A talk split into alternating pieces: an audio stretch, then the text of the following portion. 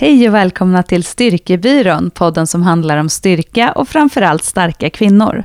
Vi som pratar heter Johanna Barvelid och Klara Fröberg och jobbar som personliga tränare och med kommunikation. Idag är det dags igen att svara på era frågor.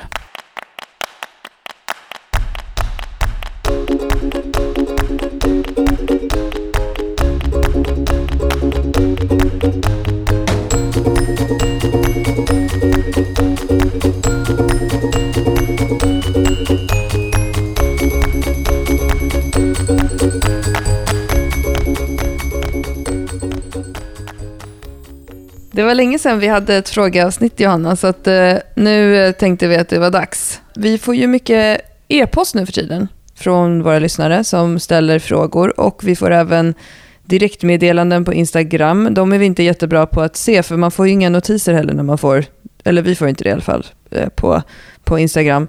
Eh, och eh, det kan vara skönt ibland att samla upp saker som vi snappar upp i, i ett forum. Eftersom eh, det blir... Det här är ju faktiskt vår kanal, Johanna. Det är faktiskt vår podd. Ja, och sen är det ju också att många frågor är ju liknande och mm. egentligen rent utav samma.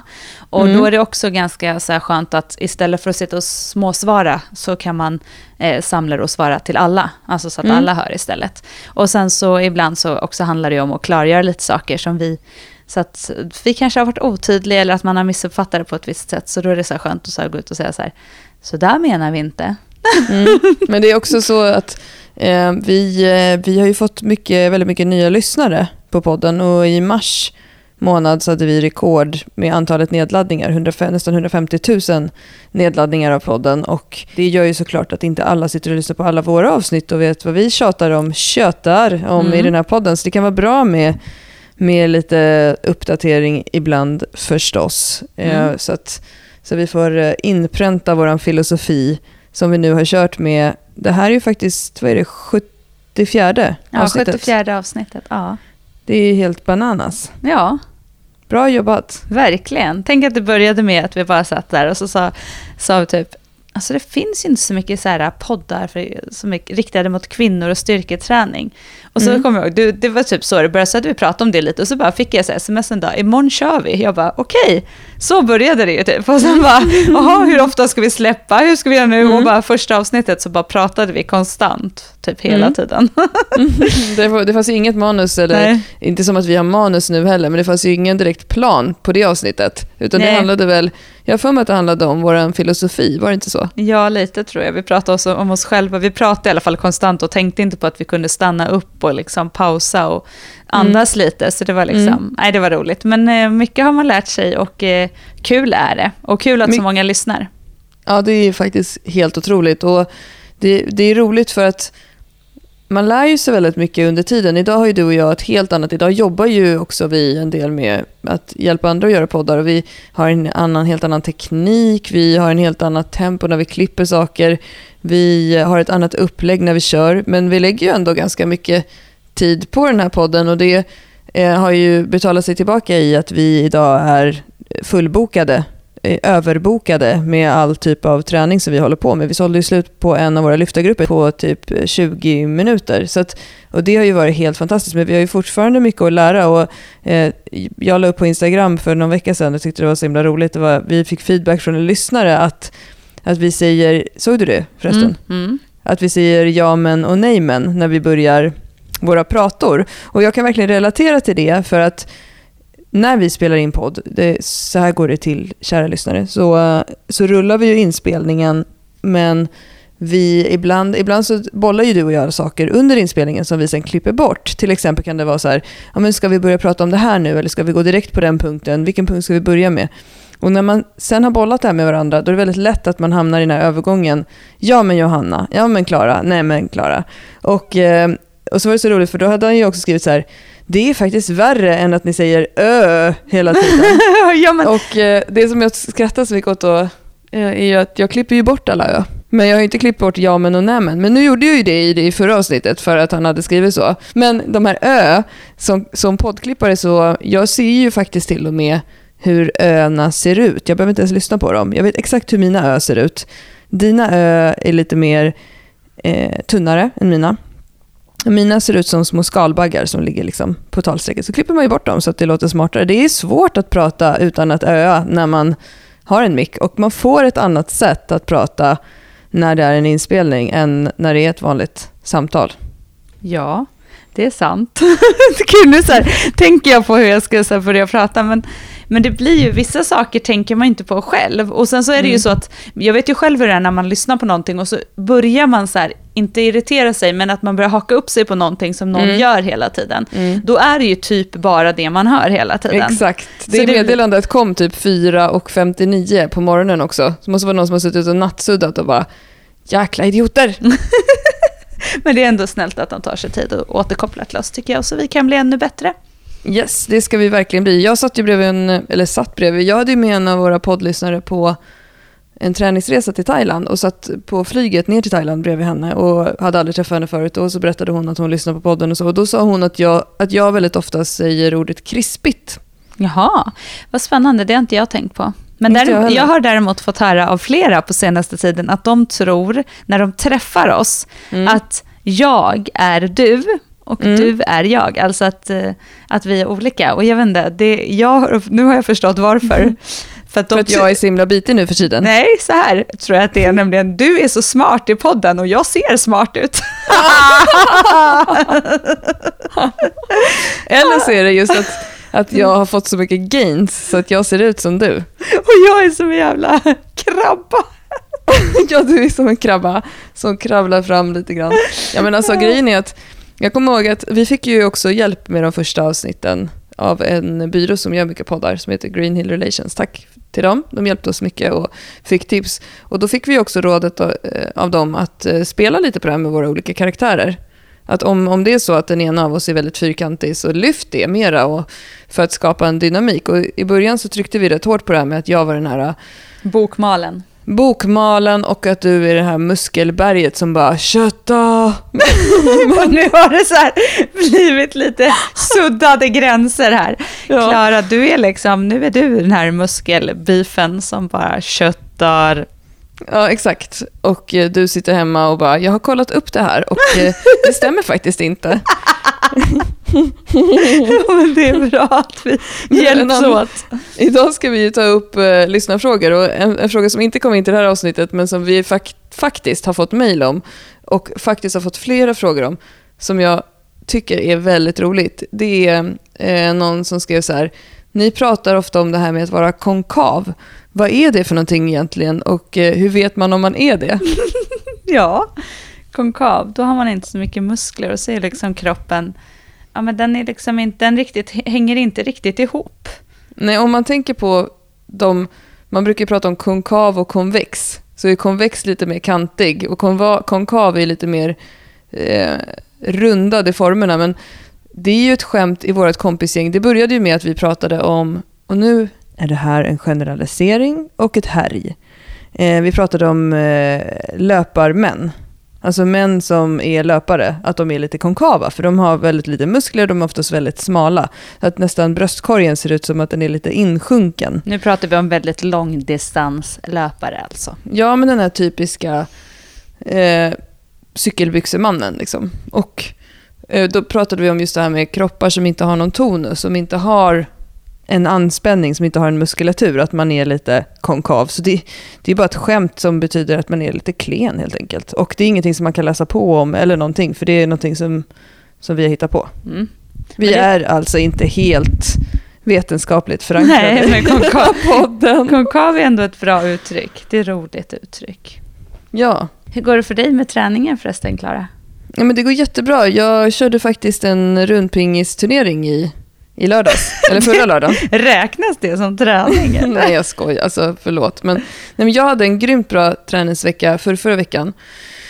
Så körde jag beefcake hela veckan. Jag klättrade på lördagen och sen på lördagskvällen så var jag ute med min kompis Karin och så bjöd vi in oss själva, eller vi var på ett så här ölspelhallshak i Stockholm som heter Ugglan, Bull och eh, Bull och bar eller vad det heter. Där kan man spela pingis, landhockey, biljard, bull, you name it.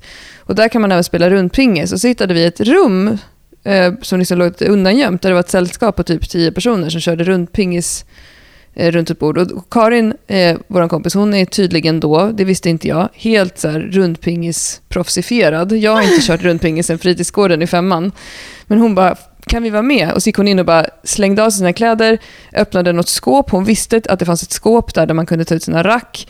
Eh, och sen så var vi med i det här och Karin gick till final. Och vi var där inne och härjade ganska länge tills Karin frågar vad det här är för gäng och så. Då berättar de att de har bokat det här rummet, alltså ett slutet sällskap, och betalat för det. Och dit har vi då gått in och eh, Tagit, crashat. tagit över helt enkelt. Ja, crashat rundpingisen. Men, Mm. Och rundpingis är väl ganska bra vardagsmotion, Johanna, eller vad säger du? Definitivt. Det Man går ju runt bordet. Ja, men om man rör sig och gör en aktivitet, det räknas Mm. definitivt som vardagsmotion, Klara. Sen drack vi ju öl samtidigt också och Ja. faktiskt Mintu. Alltså det var ju Nej, min kompis Klara. Kalle. Ja, men, min kompis Det här har inte du Kalle berättat för mig. jobbar på Ugglan och eh, ja, det blev lite Mintu och eh, ja, lite allt möjligt där. Jag, jag gick hem på snedden kan man säga. Med Ja. hatten på sned. Det var en kul trevligt. kväll. Det var jättekul och eh, det blir säkert mera rundpingis. Jag kanske kan ta med dig dit någon gång. Mm, utan Mintu då? Utan Mintu, Mm. bara champagne. Ja, det är bara det jag dricker. Ja, och, och eh, vatten. Vad, vad, hur går det för dig med träningen då? Ja. Nej, nu tänkte jag säga ja men. nu ska jag inte säga det. Träning ja. Jo men jag är pepp. Alltså, jag känner så här att idag har jag varit och tränat. Eh, I något som heter Älta träningsstudio. Som ligger Mm. jättenära mig. Min, min stora utmaning nu har ju varit så här. Nu, eh, nu verkar det vara för, förbi, men vi har haft så här sjukt mycket sjuka barn hit och dit. Och eh, Mm. Det är lite så här, vilket har gjort att jag har sovit ganska dåligt. Jag har väldigt svårt att komma iväg på kvällarna och jag har inte varit så sugen på att liksom åka bil till ett gym. Jag vill kunna så här, gå till gymmet med vagnen, ställa vagnen i en drömvärld då utanför så att Ludde kan sova och jag tränar och man ser vagnen. Det är min dröm. Det är inte så himla lätt, för det är inte så många ställen som man kan göra det på. Nej. Men så har jag då hittat den här Älta träningsstudio som jag har kört några pass på kvällarna ibland faktiskt. Som har så här äh, basövningar, jag har pratat om det tidigare. På en dag i veckan så har de basövningar och då är det lite mer fokus och sen har de så här vanliga cirkelpass. Skitkul, Mm. bara så här pepp. Eh, andra som kör och så här glädje, typ så. Mm. Och då bestämde jag mig så här, men fasen jag går dit och kör på, um, i den här studion. Eh, och eh, bara så här, mitt fokus nu är bara så här, träna och ha roligt och komma liksom lite så här tillbaka, att bara få jobba hårt med kroppen. Så. Mm. Eh, och så, så, så, så det är liksom mitt mål nu. Och det jag får vara så ett tag. Och sen liksom tänker jag att sen återgår jag lite mer till eh, att fokusera på eh, mina mål som jag har framöver. Som fortfarande Mm. är att lyfta jäkligt tungt och eh, tävla i styrkelyft. Men Mm. eh, liksom, det blir lite så här, man, du vet när man kommer till det här att man bara känner att så här, jag planerar ihjäl mig. Men det blir inte så jäkla mycket gjort med träningen. För att det blir så hög tröskel och lite så här att jag hela tiden har den här tänket kring tröskel, alltså den är så hög att jag ska så här, nu måste jag börja skärpa mig och lyfta lite mer. Alltså Mm. så. Så då känner jag så här, men nu kör jag det här och så, så um, är jag lite så här pepp nu och har börjat kört lite svingar hemma och verkligen alltså använda, jag, jo, vet du vad, jag, jag har inte heller sagt till dig, jag var ju överlycklig här om helgen när vi höll på att fixa lite hemma. Då, hitt, då kom jag ju på att man kan göra chins i våran brandstege utanför på huset. Mm. Så att jag har ju liksom fått, jag kan ju liksom träna chins där. Så då känner jag att det är med lite svingar och lite gummiband och grejer så kan det bli rätt bra hemmapass. Så att jag varvar Skön det. utsikt för grannarna. Mm. När Barvelid hänger i brandtrappan. Alltså grannarna är redan informerade, jag är så här skitglad. Jag bara, nu när vi kör utepass kan vi köra chins här. så typ häl- hälften har redan så fått testa typ. Gud vad bra. ja. Men du, det där som du säger med att här, bara köra, det, det passar väldigt bra in med dagens avsnitt med frågor tycker jag. För att när vi får mycket frågor om det här med träning, då kan jag känna ibland att många... Nu, det här låter ju helt sjukt, men ibland kan jag känna så här, men lyssna inte så här bokstavligt på poddar. För vi är bara en podd av två PTs som har en, en filosofi som vi själva tror på och brinner för. Men ta inte allting så jäkla bokstavligt. Du vet, alltså ibland, de allra flesta behöver bara träna. Som Ja. du precis pratar om nu. Och precis det du säger, att om man fixerar sig för mycket vid exakt att planera hur det ska vara. Det där kan ju du och jag hamna i. Vi gör ju så jätteofta att vi planerar så mycket att göra det här programmet att det, det finns någon barnsaga som är så här, och så bidde det ingenting. Ja, till slut. precis. Eh, men att vad hade varit viktigast på sista raden? Om du hade rört på dig och haft kul och använt hela kroppen och tagit i och gjort bra övningar eller om du hade följt exakt den där planen. Eh, det är ju lite det att eh, se hela tiden till dig och din egen träning och din egen hälsa i ett större sammanhang. Och bara för att vi säger att eh, excentriska chins är jättebra så betyder inte det att vi inte tycker att något annat är jättebra. Nej, Jag vill precis. bara klargöra det. Nej, men och jag tycker det är viktigt det du sa, se hela bilden. Alltså, Mm. Är det så att man hamnar i det här, att man är liksom så fokuserad på exakt hur mycket vardagsmotion ska jag ha, exakt eh, om jag går så här mycket eller om jag gör det här, eller att, att i det stora hela så kommer det vara så att gör aktiva val som, som funkar i, i det stora, alltså i hela Mm. livet. Inte kanske så här bryta ner det varenda vecka, varenda dag, att allt ska vara någon typ av perfektion. För Mm. att jag tror att fler skulle bara kunna vara allmänt så här, välmående av det. Ja, och nöjda med sig själva. Och det ska man ju tänka på att när man läser eh, forskningsrön och skräckhistorier om att folk inte rör på sig, folk inte tränar, folk äter för dåligt. Det är ju, det är ju inte de som lyssnar på den här podden som är i den riskzonen. För de, alla som lyssnar på den här podden är ju personer som försöker, som har en ambition, som tänker, som gör aktiva val. Jag väljer cykeln idag, jag ska träna nästa vecka, jag ska göra på det här med min kompis. Alltså, bara det. Jag skulle vilja liksom att alla fick en bamsekram ibland bara och bara så här, titta på, så känner jag väldigt mycket med alla kvinnor som jag tränar och har tränat, att liksom titta vad du kämpar, alltså du är grym. Tänk om du bara kunde få vara nöjd med dig själv. Mm, mycket det här, se det positiva i det du gör istället för att hela tiden sträva efter att nå någonting bättre. Alltså hela Mm. tiden att, att det är klart att det är jättebra om man är målinriktad och strävar efter att, att utvecklas och så, och så, men just att liksom också vara så nöjd med det man gör. Och Mm. det är väl en sån sak som jag har hamnat lite i nu, att jag, har så här, jag säger så här till mig själv, nu ska jag göra så här, men jag, går, jag är hela tiden där borta. Alltså jag är Mm. inte riktigt nöjd, så även fast jag tyck, tänker så här, säger högt att det här är mitt mål, så Mm. är mitt mål egentligen någonting annat, det har vi pratat om tidigare. Men Mm. det, nu känner jag verkligen så här, nej men nu är det bara jag som kan påverka det här, jag måste bestämma mig för, gå och träna och ha roligt. Om jag går och Mm. har roligt några pass i veckan, jag slänger saker, jag drar Mm. saker, jag lyfter saker, jag pressar saker, eh, alltså jag, jag garvar åt Mm. det. Jag, helt plötsligt så blir jag så, här, så sjukt mycket trevligare fru, så sjukt mycket bättre mamma, alltså Mm. gladare. Och då helt plötsligt så blir det så här, det blir ju viktigare än att jag så här, går till gymmet alldeles för sällan och drar mina marklyft. Alltså, Mm. Mm. jag kommer, jag kommer kanske inte alltid vilja jag kommer vilja fokusera på det, för att jag tycker att det är så jävla roligt. Men just nu så är det så härligt att bara få träna. Så att eh, det, Mm. det som passar mig, enkelheten och ja, det, men det, Mm. känns, det känns sjukt pepp. Så att det, för att sammanfatta det här innan vi går in på alla frågor. Vad är det man brukar säga? Sila mygg och sila kameler? Nej? Okej, det där vet jag inte riktigt, där får du stå för självklara. Sila kameler! Hör ni det allihopa? Nu silar vi våra kameler och går vidare till frågorna. Jättebra ordspråk. Men det det betyder egentligen är just det här filtrera detaljerna och välj vad du vill fokusera på och ja, fastna inte i detaljerna. Nu kör vi frågor. Jajamän.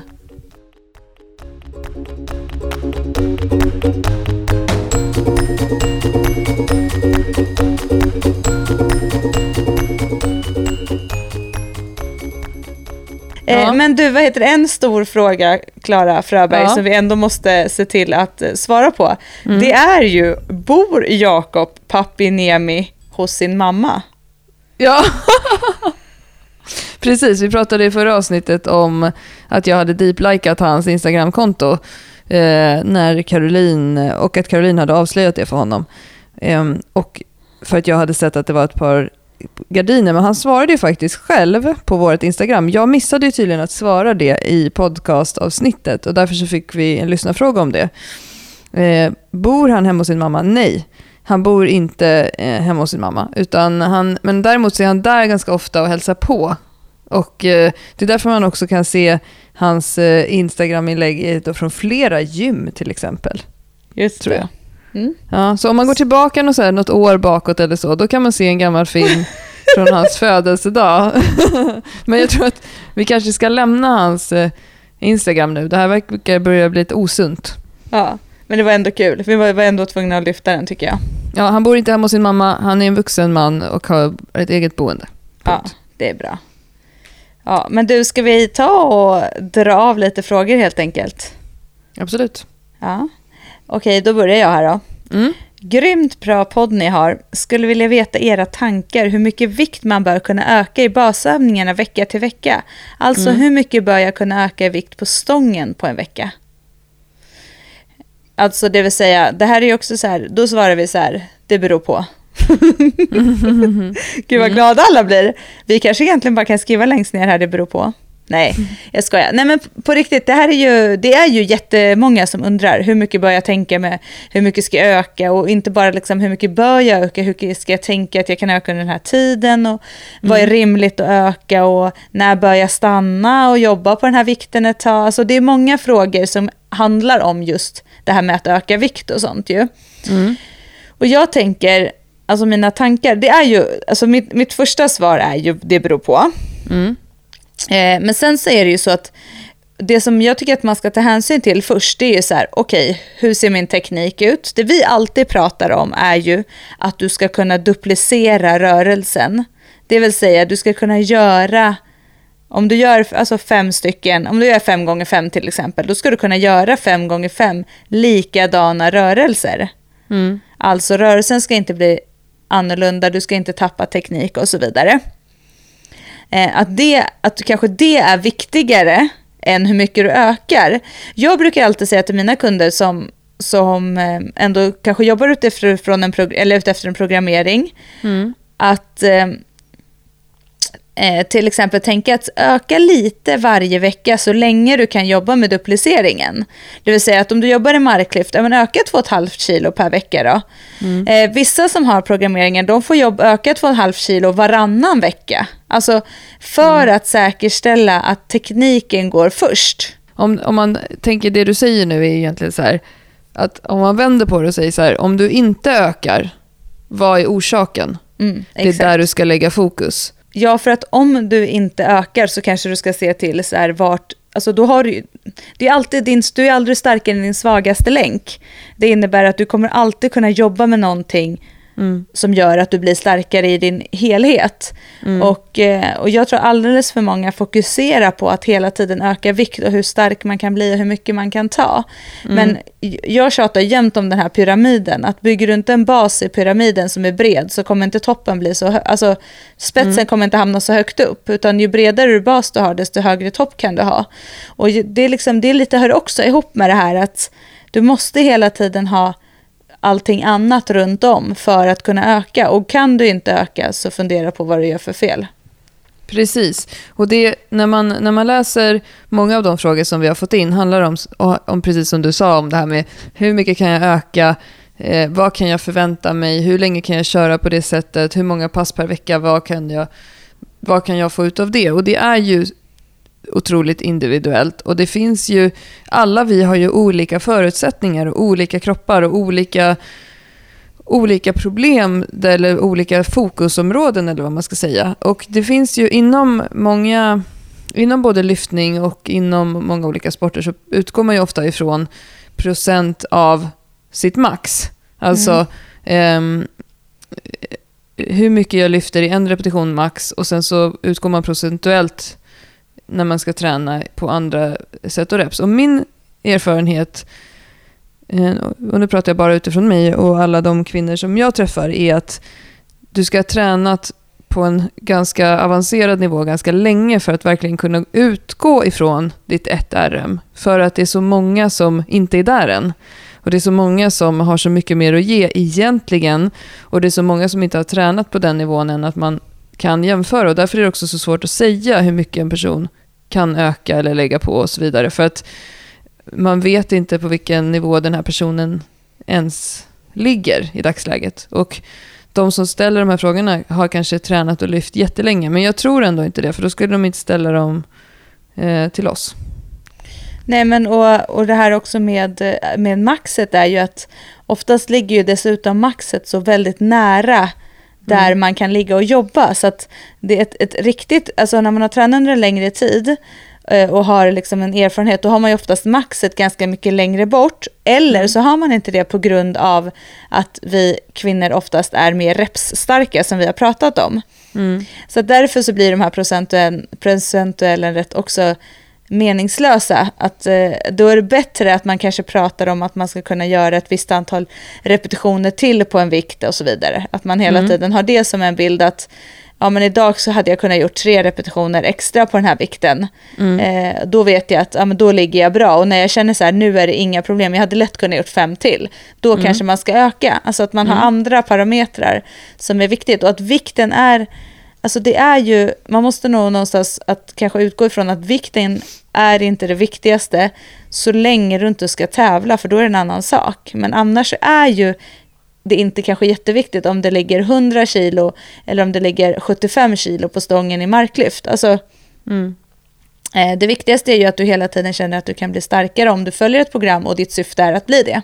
Mm. Precis. Och mm. Det finns ju rekommendationer i program. Om man laddar ner ett välkänt program på nätet, typ 5x5, så finns det ju rekommendationer i vad man förväntas öka. Men de, det finns ju alltid en, eh, vad säger man, en differens, en, en, en variation i en individanpassning när det gäller de där sakerna. Du kanske inte ökar lika fort som jag gör, eller så fastnar du en stund och kanske ligger kvar på en vikt. Men om man kan väl säga rent generellt så ökar du ju Eh, i större viktsnäpp i marklyft än vad du gör i till exempel stående press. Och det är ju för att du är starkare i marklyft än i stående press och det blir en procentuellt eh, större ökning där.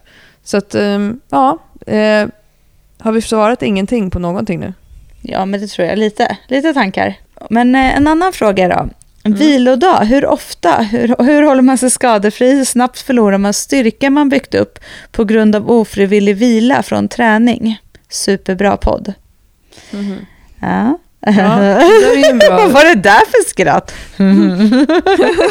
det här med hur snabbt man förlorar eh, styrka som man byggt upp. Det finns ju vetenskapliga studier som visar att efter 70, det, är faktiskt, det låter så läskigt när man säger det, men 72 timmar efter tidigare träningspass så börjar kroppen gå in i detraining, kallas det.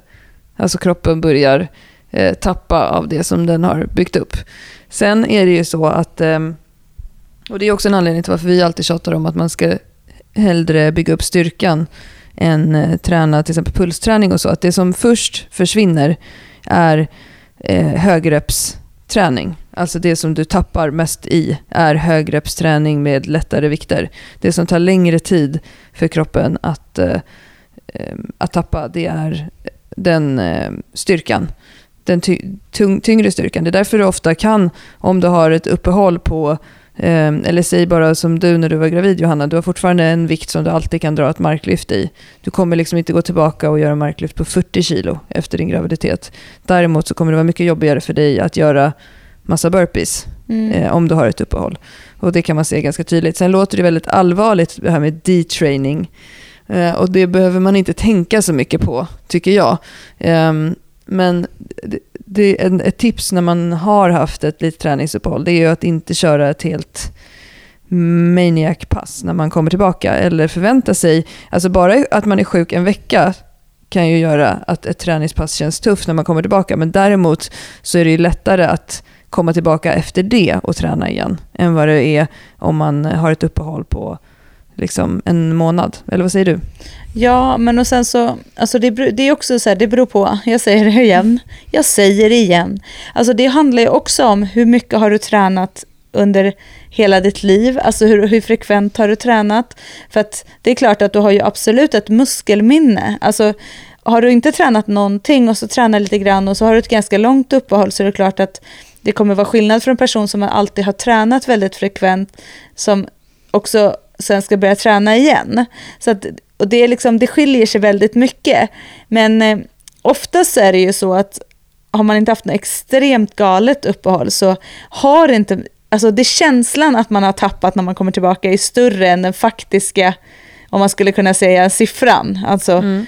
eh, men det som vi brukar rekommendera är ju också, eller som, som jag vet att du gör det också, jag gör alltid det, att, att när man ska komma tillbaka, att man liksom inte funderar så mycket på vikter och så vidare, utan att man till exempel kanske ändrar lite, det vill säga att om man har jobbat en 5x5 programmering under en lång tid och så har man fått ett längre uppehåll, och så, så till exempel går man tillbaka och så fokuserar man på hastighet och kanske jobbar färre repetitioner eller gör lite annat de första passen, att man inte kör hoppa på där man var när man blev kanske sjuk eller skadad eller någonting.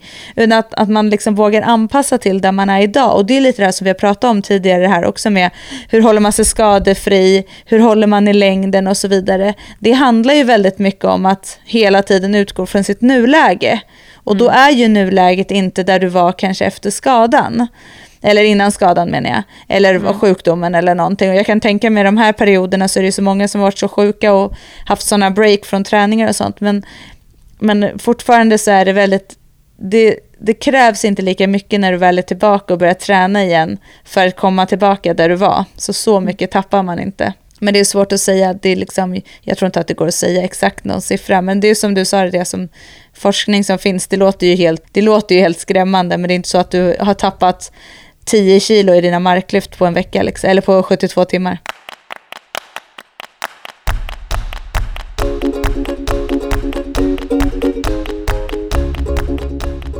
Ja men den här då Johanna, hur eh, får man Johannas grymt snygga armar? jag med.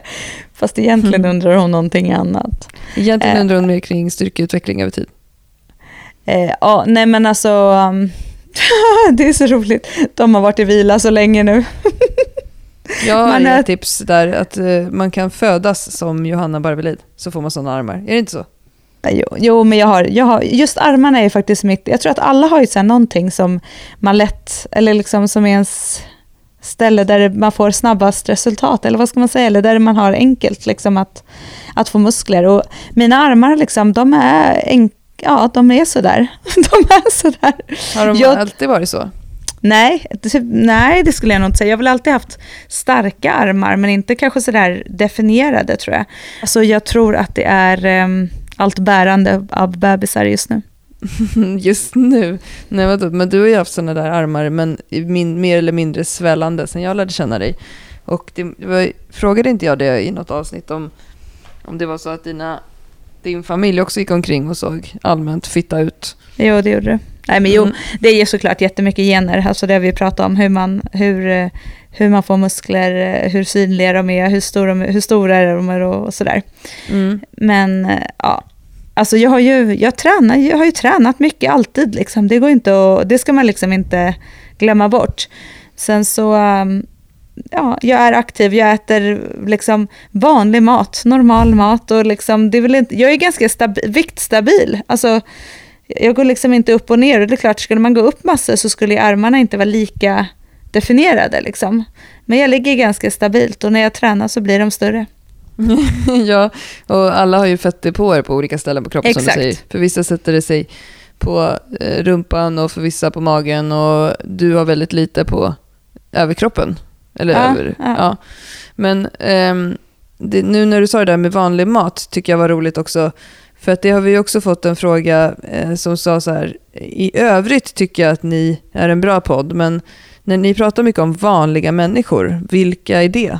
Skrev den här personen. Ja, men det, det är en bra fråga. Det är ju inte så jäkla lätt att veta vilka vi pratar om eller vad vanliga människor är. Men... När vi pratar om träning och kost och så, då menar vi ju att vanliga människor är människor som inte tränar på en hög nivå, som inte har träning som ett jobb, som inte är elitidrottare, som inte eh, extremt tävlar i en sport. Alltså alla människor som är vanliga motionärer. Och mm. jag klassar nästan i princip in mig själv där.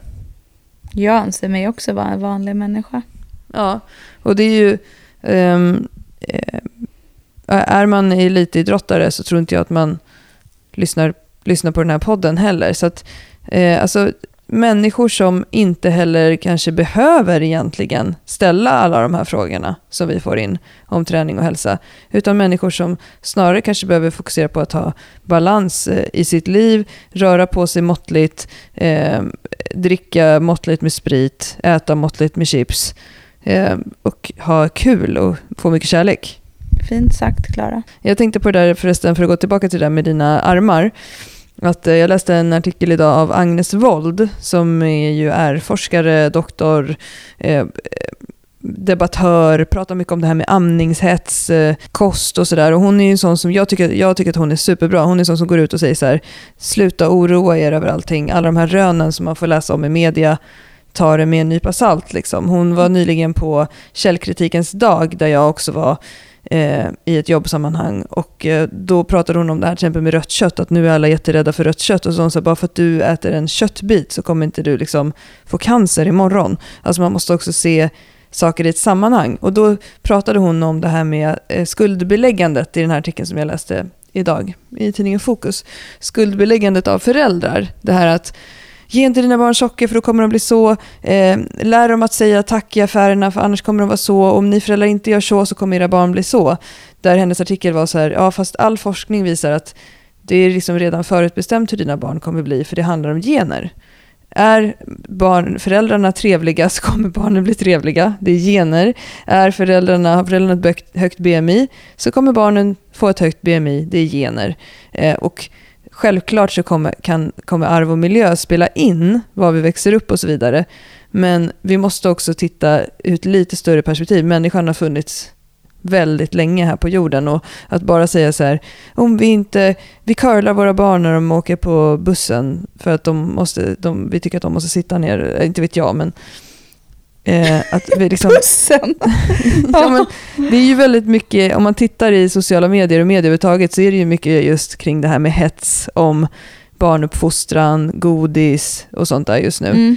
Eh, och hon menar mer att man måste titta på det ur ett större perspektiv. Det är också eh, generna som spelar in. Det var så jag kom att tänka på dina armar. Det är jätteintressant. Det är väl egentligen om väldigt mycket av det här. Och om man tittar på alla frågor, som, eller inte alla, men de flesta som vi får också, så mm. tror jag också att man måste gå tillbaka till sig själv och titta så här, men vad är syftet? Mm. Alltså vad är viktigt? Mm. Eh, speciellt, vi får ju jättemycket frågor om vardagsmotion. Mm. Och då tänker jag också att det här med liksom att vardagsmotionera för mycket, vardagsmotionera för lite, vad är lagom, hur många steg, kan mm. man jämföra med crosstrainer, eh, mm. hur kan man, alltså jag tror att allting här handlar ju så här om vad är viktigt för dig? Mm. Att vardags, jag, jag, jag står ändå fast vid att säga att, vardagsmot, att ha en rimlig vardagsmotion och vad nu en rimlig vardagsmotion är, för mig är det att man är ute och promenerar, inte av den anledningen att man bara måste promenera utan att man är, får också få komma ut. Alltså mm. man får frisk luft. Alltså det, mm. jag ser sådana saker tycker jag ju också är viktigt i det här. Mm. Och då kanske jag skulle säga att ibland kanske jag tycker faktiskt att många människor kommer förmodligen må bättre av att ta bort något pass på gymmet och hellre få komma ut och gå lite i, miljö, i en miljö med eh, fågelkvitter eller vad som helst. Alltså, förstår du vad jag menar? Att mm. allting handlar ju om vad är viktigt för dig och vad vill du i ditt liv? Mm. Därför är det svårt att säga så här, jag kan säga så här, ja, jag tycker att det är rimligt att man ska kunna gå, vara ute och röra på sig en halvtimme per dag och få frisk luft. Mm. Det tycker jag är rimligt. Mm. Alltså, men det är fortfarande vad är ditt syfte? Mm. Och jag tror att många som lyssnar på vår podd, de är ändå personer som tränar.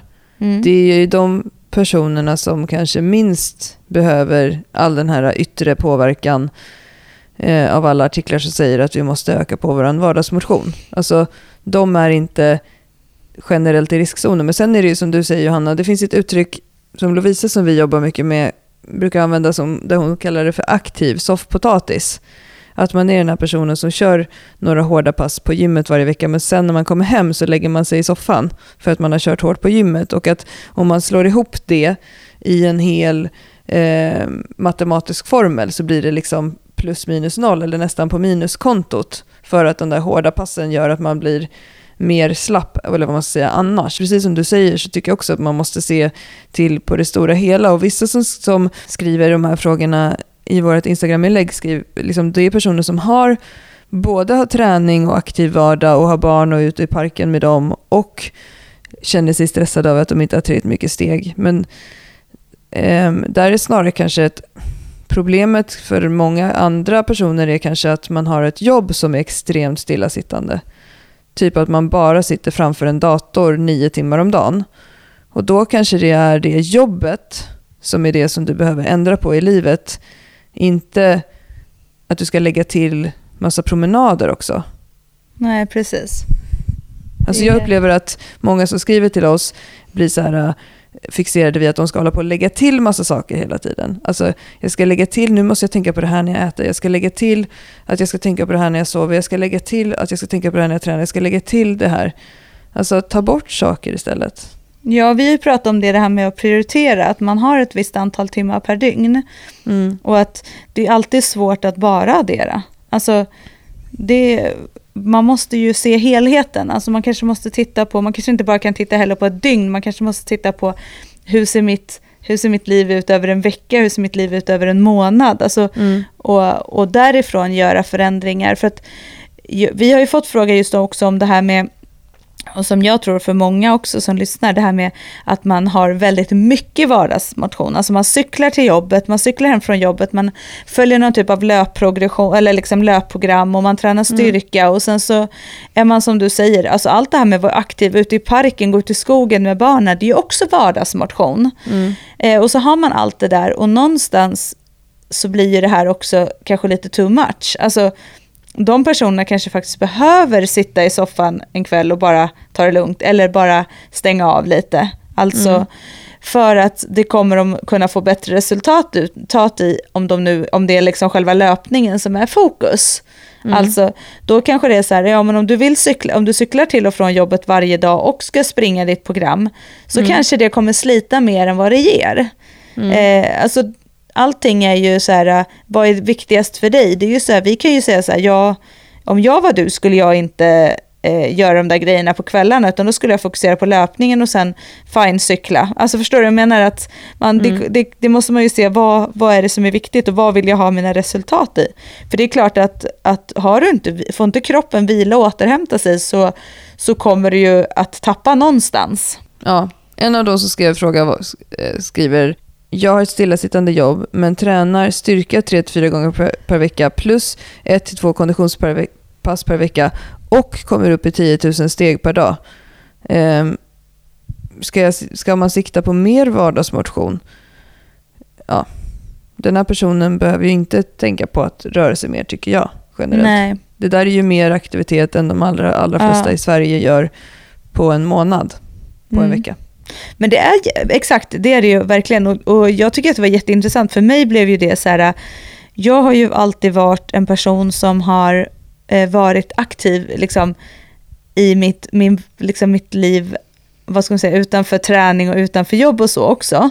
Mm. Men, men jag, hade, jag kan ju se sån jäkla skillnad. Jag kommer ihåg det när jag var mammaledig med mitt första, alltså med Moa, mitt första barn. Då var det ju liksom så här, alltså då rör man sig i så massor hela tiden, man går promenader. Man har ju förutsättningar att vara ute och gå hur mycket man vill egentligen, om barnen tycker om att åka i vagn. Eh, och sen så kom jag tillbaka till jobbet och så helt plötsligt gick jag gick på bussen precis utanför mig, tog bussen till jobbet, satt på kontoret, jobbade liksom så här, du vet, också så har man massa barn som man vill jobba ek- effektivt, jobbade så mycket som möjligt, bara tokkörde och sen så åkte man bussen hem och så var man hemma lite och så tog jag bilen till jobbet och så tränade jag och så tog jag bilen hem. Till gymmet. Till gymmet, förlåt, och tränade och så åkte. Och det är ju så här, det är ganska stor skillnad att göra det än att till exempel cykla som jag sen började göra till jobbet. Eller då att jämföra med när jag var hemma och rörde mig hela tiden. Så att liksom allting har ju så här, det finns ju en balans. Alltså, Ja, och vad är syftet? För att tittar man forskningsmässigt så får man ju, visar det ju mycket bättre resultat att vardagsmotionera, som du säger, vara ute i friska luften, andas. Eh, det visar bättre effekter långsiktigt på till exempel hjärt och kärlsjukdomar än vad träning på gymmet gör. exakt. Men eh, man får ju också välja, det behöver inte vara svart eller vitt.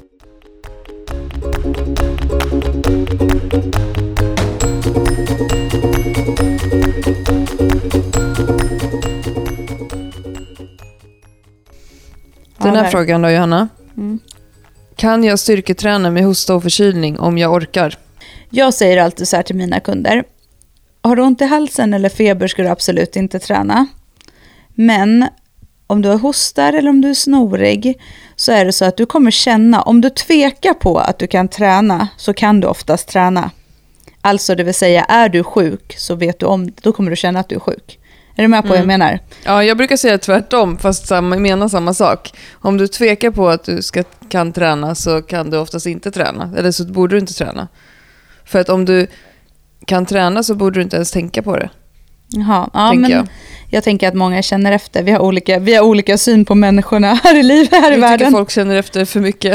Och du tycker de känner efter för lite. Ja, Det kanske är två olika kategorier, men, men vi är väl överens då om det då i alla fall. Att, att liksom, det här med att om du tycker att det funkar att träna när du är lite snorig hostig, så, så absolut. Sen så Mm. tycker jag ju, tycker jag så här, beroende på vad man är för snorig och hostig, så är det också mer eller mindre fräscht att gå till ett gym. Man kan ju faktiskt tänka på andra människor runt omkring sig också. Men Mm. som sagt, för, för ens egna del så, så tycker jag att man ska, om man funderar för mycket på det och är osäker, då kan man förmodligen träna så tycker jag. ja och, men som PT händer det ju ibland att det är någon som kommer och säger så här, jag har ont i halsen så vi kan väl ta det lite lugnt idag. Eller jag, jag känner mig lite sjuk så vi kan väl köra det lite lugnt. Och då brukar jag tänka så här, ja fast jag vill inte bli sjuk. Nej, men lite så är det ju. Och det är väl det jag menar med att är man, så- tycker man att man är så risig som man ändå inte känner sig fräsch, då är det inte så schysst att gå till gymmet. Sen om man, lägger, om man är hemma och kör lite övningar, det tycker jag är lite en annan sak. Men sen är också, jag brukar alltid säga så här, ta en riktigt rask promenad.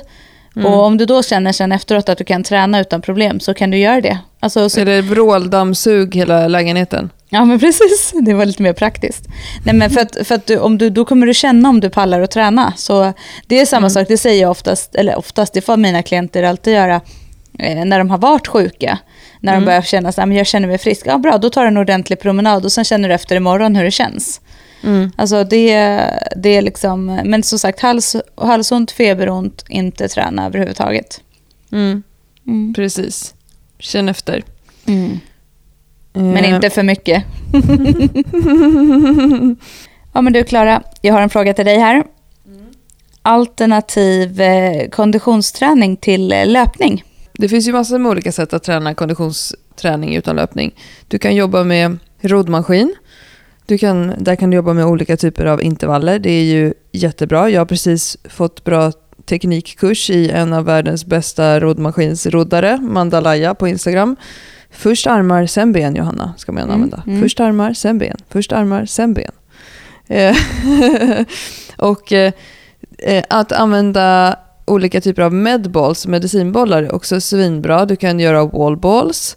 Du kan göra eh, olika typer av kast åt olika håll. Du kan göra bollslam i golvet. Du kan kasta fram och tillbaka till en kompis. Du kan kasta sidokast i väggen. Du kan addera det som en eh, intervall i din övriga träning. Eh, du kan göra faktiskt löpträning med gummiband om du har en kompis. Och nu pratar jag inte om löpning i löpträning på det sättet, utan till exempel att springa med motstånd. Du kan eh, putta en släde, du kan dra en släde. Här får du också mycket bra styrketräning samtidigt. Du kan jobba med kettlebells, eh, där du kan verkligen jobba med konditionen under en längre tid. Du kan göra burpees, hopprep, grymt bra. Boxning, jättekul kan det vara om man gillar att slå på saker. Har du några favoriter Johanna? Du fick ju med väldigt mycket, men sen kan du ju också, sätter du ihop övningar, ett flertal övningar efter varandra och jobbar i typ en cirkel eller det man kallar ett triset, alltså det vill säga tre övningar efter varandra, så kommer du också jobba med hjärtat. För att det kommer ju innebära att du håller på under en längre tid. Eh, så att, så att det blir ju också konditionsträning i sig. Alltså jobba i cirklar, jobba i intervaller, jobba Mm. korta intervaller, jobba långa intervaller. Utmana hjärtat eh, hela tiden på det sättet. Men om du vill till exempel prioritera din styrketräning så lägg det först i passet eller så lägger du den här typen av konditionsupplägg separat. Grymmers. Ja men det där tycker jag, det var massor med bra alternativ. Här kommer en fråga. Tips Mm. på aktiveringsövningar för skulderbladen inför chins. Mm. Eh, det är ju en favorit. Där är ju också, det beror ju på lite vad man behöver jobba med eh, i sina chins. Men generellt så vill man ju värma upp också hela axeln. För att det är ju en ganska klen, ett klent parti. Men en bra aktiveringsövning är ju att bara hänga i räcket tycker jag. Och därifrån försöka pressa ner skulderbladen och dra upp dem så att man gör en eh, depression och en elevation som det heter i PT-världen. Eh, alltså att du rör skulderbladen upp och ner när du hänger alltså med en anspänning för att liksom skaka igång. Sen tycker jag att det är jättebra att göra band pull-aparts eh, och det är alltså när man gör nu ska jag försöka förklara det här, för vi har fått frågor om band pull-aparts många gånger. Om du, om du sträcker ut händerna framför dig, axelbrett, och tar tag i ett gummiband. Sen så drar du bak axlarna, ungefär som att du ska gör, få lite bättre hållning, alltså att du rätar upp ryggen. Och så därifrån så drar du isär gummibandet på, med raka armar så att du får armarna rakt ut och samtidigt klämmer ihop skulderbladen. Annars kan man också youtuba band pull-aparts. Jättebra aktiveringsövning för skulderbladen. Sen så tycker jag att facepulls är bra. Man gör lätta facepulls, att man tar tag i ett rep i en kabelmaskin, drar, fokuserar på att armbågarna ska vara eh, ovanför axelleden. Eh, varför inte göra lite skulderblads eh, eh, fyrstående skulderbladsaktivering, att du står på alla fyra och jobbar med den här yogaövningen, katt och ko, när man krummar ryggen och sen svankar ryggen och sträcker ut hela nacken. Så att man liksom verkligen eh, aktiverar baksidan på ryggen. Har du några favoriter, Johanna? Ja, men jag brukar eh, göra mm, alltså, armhävningar. Eh, mm. Tycker jag är ganska bra att lägga in. Och då behöver det inte vara fulla. Det kan vara att man bara jobbar till exempel ner. Att man fokuserar just på skulderbladen, att knipa åt och mm. eh, jobba. Det, den tycker jag om att göra. Och det kan vara också att man jobbar på knästående. Lite som mm. den yogaövningen du precis pratade om, fast man gör lite mer som en armhävning. Mm. Eh, ja, men annars, jag håller med mycket av dem som, som, du, eh, som du nämnde.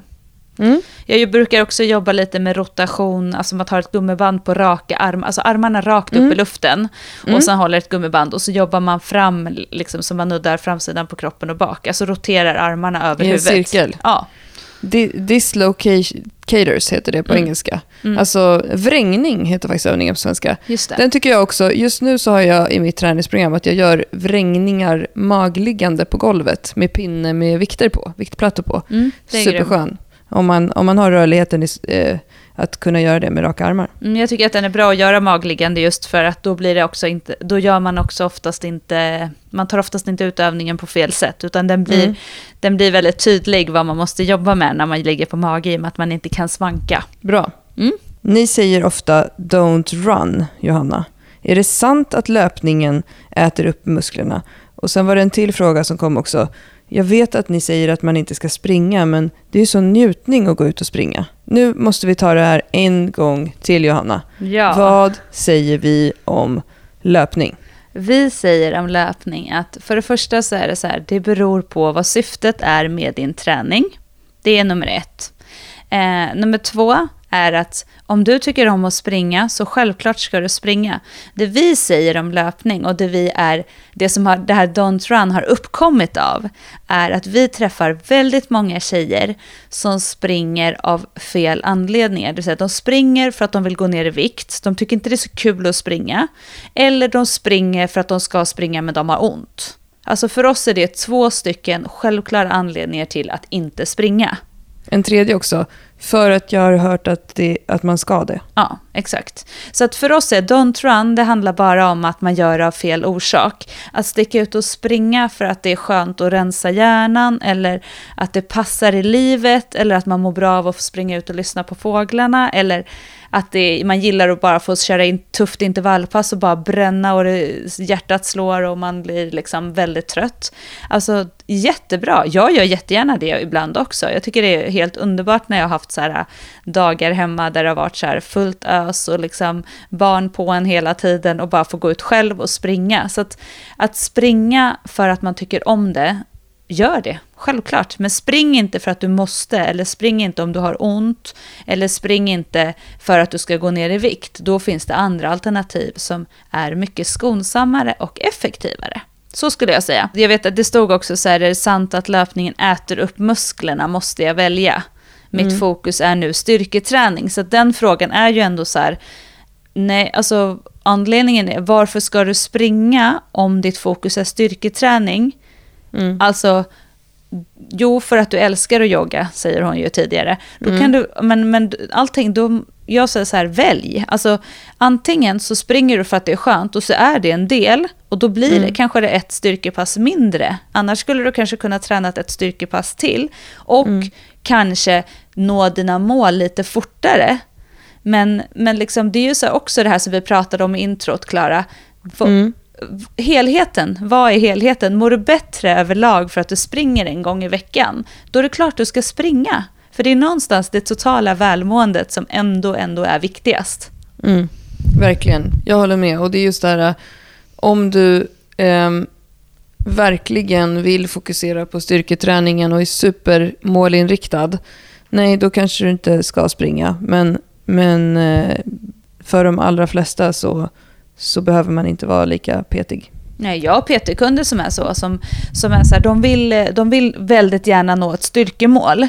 Och så är det ju liksom lite tid, att de vill göra det inom en viss tid. Och så här. Då kan jag ju säga så här, alltså, om du vill nå det här målet och jag ska ge dig den effektivaste vägen dit, mm. så vill inte jag att du springer. För mm. att vi kan effektivisera din träning. Det handlar om återhämtning, det handlar om väldigt många saker.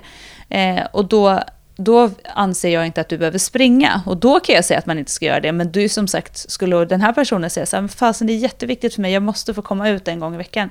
Absolut, gör det, men du kommer inte få lika mycket effektiv styrketräning då. Eh, men som sagt, do it if you want. Okej Klara, en fråga till dig. Mm. Jag undrar vad det finns för övningar för att få bättre kontakt med hamstrings. Ja, hamstrings är ju musklerna på lårets baksida. Det är sån här, du vet Johanna, när man tränar hamstring så kan det kännas som att man nästan får kramp när man får kontakt med dem. Och eh, några tips då, till exempel tycker jag liggande, jag tror att det heter lår curl, jag är inte säker på de här maskinövningsuttrycken för jag är inte så bra på maskiner, men att du ligger på mage och har ett gummiband runt benen, runt anklarna. Och sen att du har en kompis eller att du fäster dem i en rigg eller någonting i ungefär, ja, kanske, ja, men i samma höjd ungefär som anklarna. Och sen att du eh, böjer benet mot rumpan. Det Drar benet jättebra. mot rumpan? Ja, precis. Som att du ska nudda hälen i rumpan. Och så har du det här gummibandet som motstånd. Mm. Den nyper ju riktigt bra.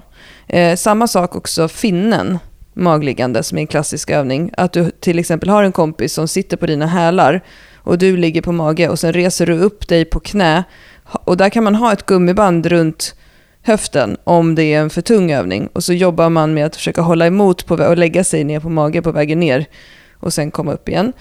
Eh, sen tycker jag att om man har svårt att få kontakt med hamstrings i till exempel marklyft med stång, då kan man köra med kettlebells istället. Det behöver inte vara jättetunga och sen kan man prova att ställa fötterna, framsidan på fötterna på små viktplattor så att hälen står på golvet så att tårna pekar uppåt lite. Och sen att man jobbar med raka marklyft där, där man verkligen pressar kettlebellen mot benen. Kettlebellsen får inte vara framför benen, utan de ska vara emot. Och att man verkligen jobbar med att trycka bak höften i den övningen. Sen om jag får säga en fjärde som är en ny favorit som jag har lärt mig. Det är sittande good morning med stång på bänk. Med, där du har en bred stans mellan fötterna, low bar Eh, och sen luta dig framåt. Det är inte så läskigt som det låter, för man kommer inte ner helt långt, för kaggen stoppar lite i botten på good morningen. Och sen när man är i botten, man kan till exempel göra en excentrisk ner på tre, och när man är där i botten då trycker man ifrån med hälarna för att pressa upp stången igen. Den får jag riktigt bra kontakt med hamstrings. Grymma övningar, skitbra. Eller hur? Mm. Mm. Helt, nu blir jag helt pepp. Ham, Den ska vi göra nästa gång vi tränar ihop. Mm. Den, den gjorde jag idag. Um, Johanna, jag har en uh, lite knepig fråga till dig. Mm. Får jag dra den? Japp, shoot. Den är sån här, det är lite sån här filosofisk fråga nästan. Mm. Hur viktigt är det med en neutral nacke i marklyft? Och hur fasen ska man tänka eller träna för att lyckas bibehålla den genom lyftet och sen flera sätt? Har tränat på detta i över nio månader, men går hela tiden tillbaka till att ta i med nacken eller huvudet.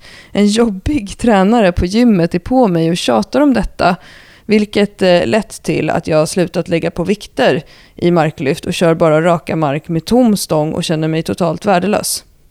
Mm, Gud, det är ju supersvårt det, alltså i det här läget till den här personen eh, att säga exakt alltså vad det är. Det, mitt, min spontana känns som att, liksom att ehm, um, hon missar någon aktivering eller att någonstans i liksom, lyftet eh, inte kopplar på så att det blir att hon använder liksom, nacke och jag vet inte, övre delen av ryggen. Det är jätteklurigt för att Många av mina kunder som jag har som vi jobbar med just nacken, varför man vill ha en neutral nacke är ju för att nacken är en förlängning av ryggraden och vi vill skapa de bästa positionerna för kroppen.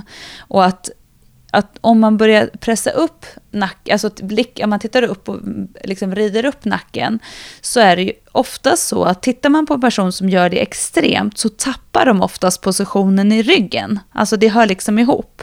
Och därför tänker jag så här, frågan är om, om hon får med sig skulderbladen. Om det, jag tänker att har hon tränat på det så länge så känns det som att det kanske ligger i någon annan teknik. Alltså att det kan vara skulderbladen eller att aktiveringen i magen, att hon liksom öppnar upp rebenen eller någonting. Så det är väldigt mm. klurigt att svara på, men jag tycker definitivt att man ska sträva efter att ha en neutral nacke.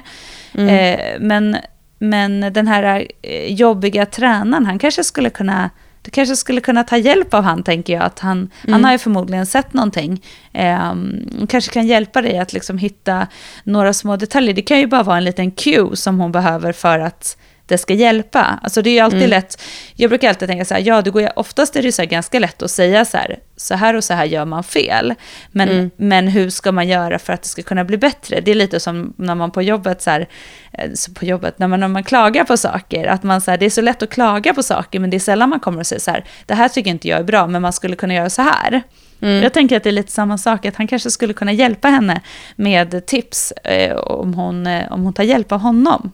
För, mm. det, för det är väldigt bra att jobba, vi vill ju jobba med eh, liksom bra positioner för kroppen.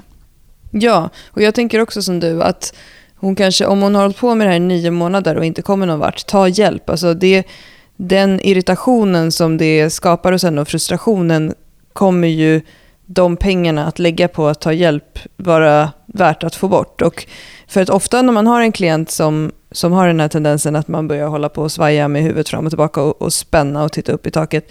Bara att säga, liksom fäst blicken i golvet där och så behåller du blicken där genom lyftet brukar ju hjälpa. Och är det, jag tror också att det är någonting annat, så precis som du är inne på också, som gör det här. Och sök hjälp. Det, kom, det är klart att det kommer fixa sig. Ja. Så här ska du inte behöva ha det. Och jag tror också att så här, det är ju faktiskt inte så att att nacken kommer påverka hur många kilo som helst. Alltså det är nog lite att det blir en, att man får också en tics. Alltså man får lite mm. så här, man tror att man kanske inte klarar. Det är lite som mm. i chins, att man tror så här inte att man klarar om man inte gör de här grodsprattlingarna. Men man mm. blir ju inte starkare för att man grodsprattlar. Alltså det är lite så, mm. tänker jag. Men mm. så att, mm. ta hjälp, eh, men, men absolut bibehålla. Och jag tycker alltid när man gör någonting som man vill ändra på i sina lyft, alltså när man vill ändra en, en rörelse eller ett felbeteende, så, mm. så är det viktigt att man plockar av vikt och klarar av att hantera det på de lätta vikterna. Så det tycker jag mm. ändå är superbra att man gör. Klara, jag har en fråga till dig här. Mm. Styrketräning när man inte längre är jätteung, inom parentes 45. Ni har tidigare pratat om att man inte kan öka i muskelmassa efter klimakteriet, om jag förstod det rätt. Men fram tills dess? frågetecken. Krävs det mer slash hårdare träning? Tack för bästa podden. Mm. Då skulle jag vilja börja med att klargöra att vi har inte sagt att man inte kan bygga muskler efter 45. Det går inte att säga att så här är det för alla eller Eh, det här kommer funka för alla. Eller så här, i alla, för alla ju, har ju olika kroppar och alla kommer i klimakteriet i olika åldrar och det tar olika lång tid för alla. Däremot i det avsnittet som heter hormoner som vi har där vi hade med en läkare, så vår vän Caroline, eh, så pratade hon om att kvinnor, kvinnor mot män skiljer sig väldigt mycket. För män har en testosteronproduktion genom hela livet och kvinnans hormonnivåer ändras helt efter klimakteriet.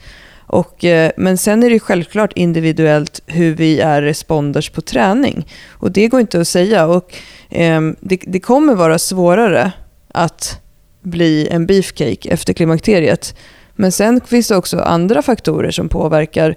Och jag tänker också rent spontant att efter klimakteriet, alltså ju äldre vi blir så har vi kanske mera tid att lägga på träning. Jag tänker också på kvinnor som eh, i, har varit i den åldern att man har varit kanske mellan 25 och 35 och Eh, eller snarare som folk är äldre idag, 30 till 40, fått barn, gjort karriär, sovit skitdåligt. Det är också väldigt mycket dåliga förutsättningar för att ta till sig träning. Saker som brukar bli bättre när man är äldre. Man får sova mer, barnen kanske flyttar ut, man, får, man är coolare på jobbet för att man har fått blivit lite mer chefig, eh, man är kanske inte lika stressad. Det är ju också saker som påverkar träningen. Så jag tror att man får titta på helheten även där, men vi har absolut inte sagt att man inte kan bygga muskler efter 45. Så mm. det är bara att träna på som vanligt och se vad som funkar för dig. Visst, du kommer kanske behöva träna på ett lite annat sätt ju äldre du blir, men det kommer vi alla. Mm. Grimmers. Du, jag har en fråga till här som jag tänkte. Mm. Mm. Eh, det är faktiskt, just, det är så här, jag undrar hur man förhindrar att få tjurnacke, a.k.a. datornacke, alltså inte tjurnacke vissa verkar vilja träna fram på mm. gymmet. Traps. Er, ja, ergonomin på kontoret är A och O såklart, men finns det övningar man kan göra i gymmet i förebyggande syfte? Vilka muskler ska man fokusera på? Målet är en stark och rak hållning. Mm. Eh, det är en jättebra fråga där jag brukar säga att det är viktigare vad du gör i vardagen här än vad du gör i gymmet. Och just det här med ergonomin, att se till att man har en bra arbetsposition när man jobbar, att se till att man rör på sig mycket under dagen. Men när man tränar så mycket fokus på just baksidan på ryggen, baksidan på hela kroppen så att man orkar hålla upp. Men också mycket bål skulle jag säga. Har du en inre stark korsett som orkar hålla uppe hela kroppen så får du också automatiskt en, en eh, bättre hållning. Och, men framförallt att inte hamna i dåliga positioner för kroppen allt för ofta. Mm, och jag tänker också just det här med när man tränar, att tänka på det här vart axlarna hamnar. Att man inte hamnar upp med axlarna vid öronen och hopkrupen, utan verkligen det här som vi pratar mycket om, skulderbladen i bakfickan. Att man liksom sträcker på sig och jobbar med en stark hållning, precis som du sa, bålen. Men mm. och, som sagt, för en sån person så skulle jag säga att gymmet, det sa ju du också, gymmet är mindre viktigt. Det är bättre att göra små saker varje dag. Exempelvis typ ha ett gummiband på kontoret. Och jag vet att det är en så typisk grej som man säger så här, nu ska jag göra tio minuter per dag, ska jag göra mm. gummiband. Mm. Men, men vill man ha en effekt så skulle jag säga att fler kommer få större effekt av att till exempel göra tio minuter, eh, ställa sig upp och göra så här rak, de här armband pull apart som vi pratade mm. om Alltså att göra övningar i vardagen, sträcka på sig, sträcka ut armarna och bara pressa ihop skulderbladen och liksom skjuta händerna lite, alltså trycka dem bakåt, hela armarna bakåt och framåt. Alltså mm. göra små rörelser. Det kommer man liksom tjäna mer på i längden. Men när man är på gymmet ska man ändå fokusera på det du sa och att inte hamna med axlarna vid öronen. Mm. Ja, men ja. Nu tycker jag, nu har vi, vi har bränt av väldigt många frågor och det är säkert ett gäng frågor kvar så vi får nog fortsätta att ha frågor, fler frågeavsnitt såklart framöver. Mm. Eh, men så det är ju grymt att vi får så mycket frågor och som sagt vissa svarar vi på även på mejl och vissa frågor som vi har fått eh, blir ju också inspiration till egna avsnitt som vi känner mm. att vi kan prata ännu mer om. Så att har man inte mm. fått svar på sin fråga behöver man inte vara ledsen för det kanske faktiskt kommer ett avsnitt bara om det. Mm. Verkligen. Ska jag ta och avrunda lite då? Jo, men du kan väl göra det lite grann sådär bara. Jag försöker lite sådär. Idag har vi svarat på frågor. Vi har pratat mycket om vardagsmotion. Hur mycket bör man vardagsmotionera? Finns det något rätt eller fel för dig eller för mig? Finns det någon gräns för hur mycket vardagsmotion man egentligen borde ha? Eller för, kan det bli för mycket? Här pratade vi om att det är helheten som blir viktigt och vad är egentligen syftet med vardagsmotionen? Vi har pratat om vad som är rimligt att öka i sin styrkeprogrammering. Vi har pratat om förslag på övningar som tränar hjärtat förutom löpning. Vi har pratat om aktivering av vissa muskelgrupper, skulderblad och till exempel hamstrings. Och eh, vi har pratat om vad som händer med träningen när man blir eh, äldre. Ja. Vi heter fortfarande Styrkebyrån i alla sociala medier. Tack för att ni lyssnar. Hej då! Hej då!